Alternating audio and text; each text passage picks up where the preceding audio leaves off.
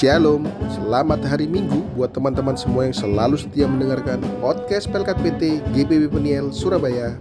Teman-teman, hari ini kembali kakak Layan akan menyampaikan materi IHMPT pertanggal 27 Februari tahun 2022 dengan judul pelajaran Hati dan Pikiran untuk Tuhan. Teman-teman, siapkan Alkitabnya dan tetap stay tune terus ya.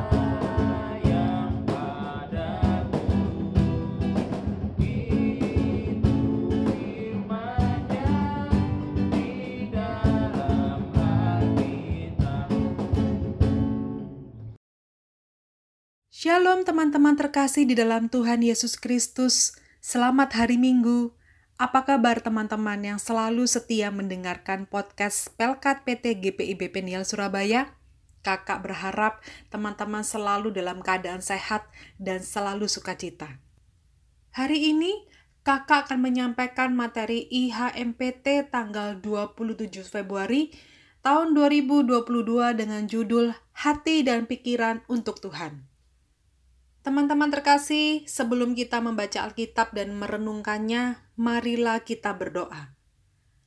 Bapa Surgawi, firman Tuhan akan kami dengarkan saat ini.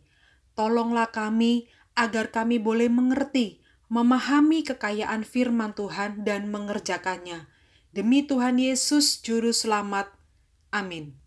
Pembacaan firman Tuhan saat ini terdapat dari 2 Korintus pasal yang ketiga ayat 12 sampai dengan ayat yang ke-18. Demikian kata firman. Karena kami mempunyai pengharapan yang demikian, maka kami bertindak dengan penuh keberanian. Tidak seperti Musa yang menyelubungi mukanya, supaya mata orang-orang Israel jangan melihat hilangnya cahaya yang sementara itu tetapi pikiran mereka telah menjadi tumpul, sebab sampai pada hari ini selubung itu masih tetap menyelubungi mereka. Jika mereka membaca Perjanjian Lama itu tanpa disingkapkan, karena hanya Kristus saja yang dapat menyingkapkannya. Bahkan sampai pada hari ini, setiap kali mereka membaca Kitab Musa, ada selubung yang menutupi hati mereka. Tetapi apabila hati seorang berbalik kepada Tuhan, maka selubung itu diambil daripadanya. Sebab Tuhan adalah roh, dan di mana ada roh Allah, di situ ada kemerdekaan. Dan kita semua mencerminkan kemuliaan Tuhan dengan muka yang tidak berselubung. Dan karena kemuliaan itu datangnya dari Tuhan yang adalah roh, maka kita diubah menjadi serupa dengan gambarannya dalam kemuliaan yang semakin besar. Demikian firman Tuhan. Teman-teman dan saya dikatakan berbahagia jika mendengarkan firman Tuhan ini, merenungkannya, memberitakannya, teristimewa melakukannya dalam hidup beriman kita. Haleluya. Haleluya. Haleluya.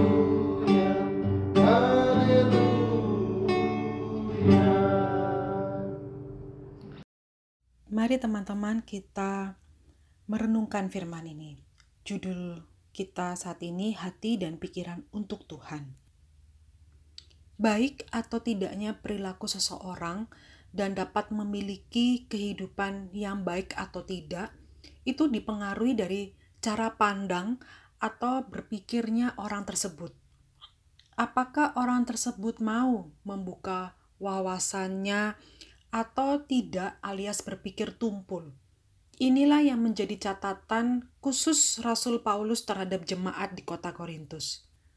Kota Korintus merupakan kota yang besar, memiliki dua pelabuhan yang merupakan sambungan lalu lintas antara Yunani Utara dengan Yunani Selatan, sehingga kota Korintus ini menjadi kota perdagangan dan industri.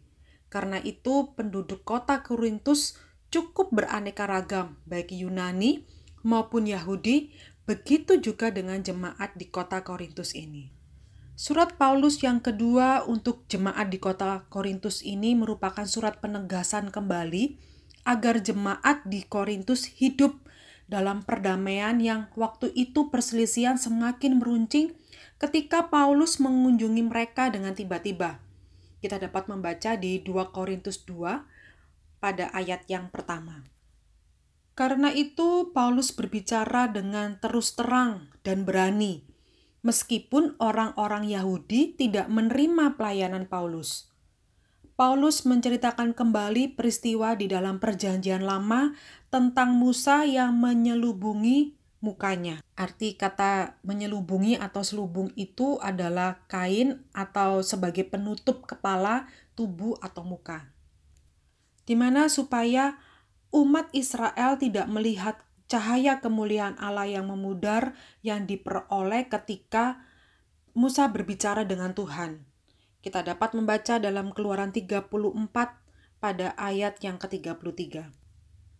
Paulus ingin memperlihatkan bahwa sebagai umat Tuhan jangan janganlah kita menyelubungi muka dan hati. Terdapat di 2 Korintus 3 ayat yang ke-15. Bahkan sampai pada hari ini, setiap kali mereka membaca kitab Musa, ada selubung yang menutupi hati mereka. Serta jangan tumpul dalam berpikir. Kita lihat pada ayat ke-14 tetapi pikiran mereka telah menjadi tumpul, sam sebab sampai pada hari ini selubung itu masih tetap menyelubungi mereka. Jika mereka membaca perjanjian lama itu tanpa disingkapkan, karena hanya Kristus saja yang dapat menyingkapkannya. Dan Paulus berharap segeralah berbalik kepada Tuhan pada ayat yang ke-16 agar selubung itu disingkapkan sehingga kemuliaan nama Tuhan diperlihatkan melalui hati, pikiran, dan tindakan. Teman-temanku yang terkasih di dalam Tuhan, apa yang dapat kita ambil dan kita lakukan di dalam perenungan kita saat ini? Teman-teman terkasih, di hadapan Tuhan, mari kita memberikan diri kita dengan kesadaran diri kemauan dan kerendahan hati, di mana ini merupakan kunci utama dalam usaha kita membuka segala bentuk kekurangan kita, keterbatasan, ketidaksempurnaan, bahkan mungkin ada aib di dalam diri kita, kejahatan yang kita lakukan, dan dosa-dosa kita di hadapannya.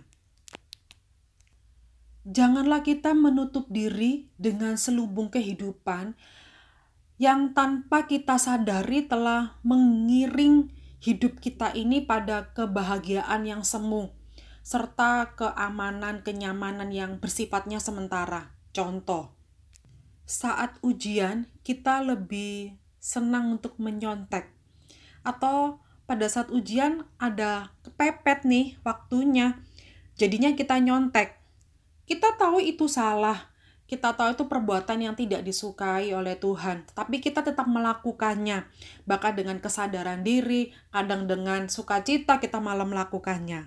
Hanya karena untuk mendapatkan nilai yang baik atau kita bisa lulus. Seperti itu teman-teman. Itu hanya kebahagiaan atau kenyamanan sementara. Kita tahu tugas kita sebagai seorang pelajar adalah belajar, maka kita harus mengalahkan kemalasan. Bagaimana caranya?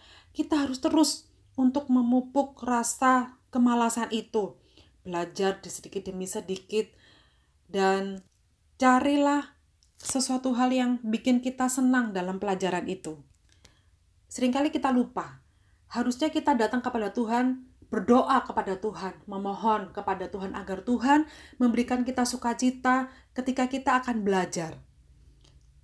Memohon kepada Tuhan agar Tuhan memberikan hikmat bukan malah kita malas belajar, bahkan mau mengikuti perasaan kita saja, bahkan kita sering kali ikut teman-teman kita yang jelas-jelas mereka telah salah. Teman-teman terkasih, Tuhan Allah menciptakan manusia diperlengkapi dengan pikiran, dengan akal budi. Maka jagalah itu semua. Kita menjaga pikiran kita, jangan sampai pikiran kita ini menjadi tumpul, dengan tidak mau membuka wawasan di dalam Tuhan. Firman Tuhan itu adalah sumber hikmat di dalam kehidupan kita. Tindakan kita lahir dari keyakinan dalam pikiran kita. Perkatakan dan renungkanlah firman Tuhan. Biarlah firman Tuhan yang menjadi keyakinan dalam pikiran kita. Kita dapat membaca di ulangan 30 ayat yang ke-14. Tetapi firman ini sangat dekat kepadamu, yakni di dalam mulutmu dan di dalam hatimu untuk dilakukan. Begitu juga hendaknya kita menjaga hati kita supaya perkataan yang kita ucapkan sesuai dengan hati kita agar kita dapat melakukan perbuatan baik. Kalau hati kita sedang tidak enak, sedang suasananya sedang buruk, pasti perbuatan kita juga akan buruk. Tapi kalau hati kita dipenuhi oleh Roh Kudus, dipenuhi oleh firman Tuhan, walaupun hati kita saat ini tidak baik, kita yakin kita dapat memperkatakan, melakukan tindakan sesuai dengan firman Tuhan. Bahkan sukacita itu akan selalu ada. Jagalah hatimu, teman-teman, dengan menjaga matamu. Contohnya dengan tidak melihat atau menonton pornografi, film-film porno, atau hal-hal yang sangat merugikan dirimu, bahkan yang tidak sesuai dengan firman Tuhan. Karena kalau kita tidak menjaga mata kita, pasti hati kita pun akan kotor. Dalam Amsal 4 ayat yang ke-23 dikatakan, Jagalah hatimu dengan segala kewaspadaan, karena dari situlah terpancar kehidupan. Apa yang harus kita lakukan untuk menjaga hati kita, untuk menjaga pikiran kita? Marilah kita berbalik dan bertobat kepada Tuhan Yesus Kristus terbuka dan membuka dirilah dengan segala kerendahan hati kepada kebenaran firman Tuhan di dalam Tuhan Yesus Kristus. Jangan berbuat dosa lagi, teman-teman. Terus kita melakukan pertobatan terus di dalam setiap hari kita. Kita berdoa minta hikmat kepada Tuhan, kita rajin membaca firman Tuhan, karena tadi firman Tuhan adalah sumber hikmat di dalam kehidupan kita. Agar kebenaran dan kemuliaan Allah terpancar dalam diri dan hidup kita ini akan diubahkan menjadi serupa dengan gambarannya. Kita bisa memberikan hati dan pikiran kita untuk Tuhan, untuk kemuliaan namanya, dan kita juga bisa menjadi pelayan Tuhan bagi sesama kita dengan perkataan kita, dengan pola pikiran kita, kita dapat menolong sesama, bahkan kita sudah memberitakan kebenaran firman kepada sesama. Tuhan Yesus memberkati kita semua. Amin. Mari teman-teman terkasih, kita bersafaat. Siapkan hati dan pikiran kita. Mari kita berdoa. Mampukanlah kami untuk memiliki kesadaran diri dan kemauan yang kuat untuk membuka diri pada kebenaran firman Tuhan. Ajar kami taat dan setia ya Tuhan, dan selalu bergantung penuh hanya kepadamu, agar seluruh kehidupan kami mencerminkan kemerdekaan daripada Tuhan, dan kami boleh melayani sesama kami seturut dalam kehendak Tuhan, agar nama Tuhan selalu dimuliakan. Kami bersyukur bagi firman Tuhan yang sudah kami dengar saat ini. Bapa, terima kasih. Terpujilah namamu. Saat ini bersama teman-teman kami yang mendengarkan podcast Pelkat PT GPB Penil Surabaya, kami berdoa, kami membawa hidup kami Tuhan di hadapan Tuhan dan memohon, berkatilah, jagalah kami, lindungilah di setiap perjalanan hidup kami. Kami butuh Engkau Bapa. Apa pun yang kami hadapi, kalau bersama Tuhan, kebahagiaan menjadi jaminan di dalam hidup kami. Kami mengucap syukur Bapa. Kami berdoa membawa Indonesia negeri kami ini ke dalam tangan pengasihan Tuhan. Kasihanilah ya Tuhan di dalam nama Tuhan Yesus Berkatilah pemerintahan kami, berkatilah Bapak Presiden bersama jajarannya. Mampukan kami semua di dalam masa pandemi COVID-19 ini Tuhan, agar kami terus berpengharapan hanya kepadamu, dan Tuhan memampukan kami untuk bisa mengatasi setiap yang kami hadapi ini Bapa bersama-sama dan selalu bersyukur dan bersuka cita.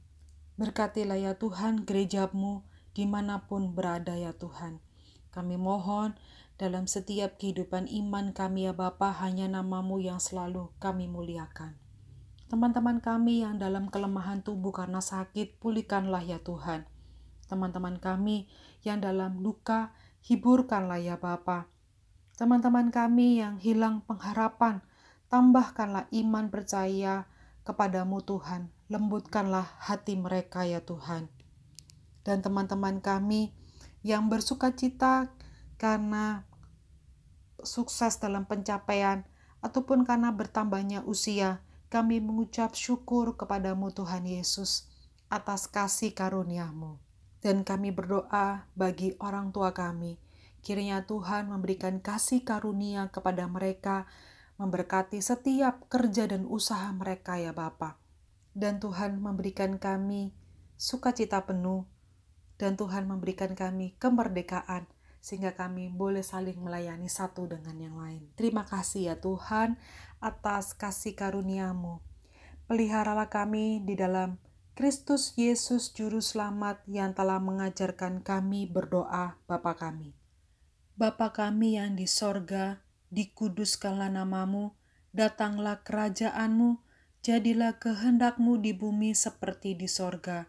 Berikanlah kami pada hari ini makanan kami yang secukupnya, dan ampunilah kami akan kesalahan kami, seperti kami juga mengampuni orang yang bersalah kepada kami. Dan janganlah membawa kami ke dalam pencobaan, tetapi lepaskanlah kami daripada yang jahat karena Engkaulah yang empunya kerajaan dan kuasa dan kemuliaan sampai selama-lamanya. Amin. Sampai bertemu kembali teman-teman semua. Ingat ya, tetap berpengharapan hanya kepada Tuhan Yesus Kristus Juru Selamat kita dan selalu sukacita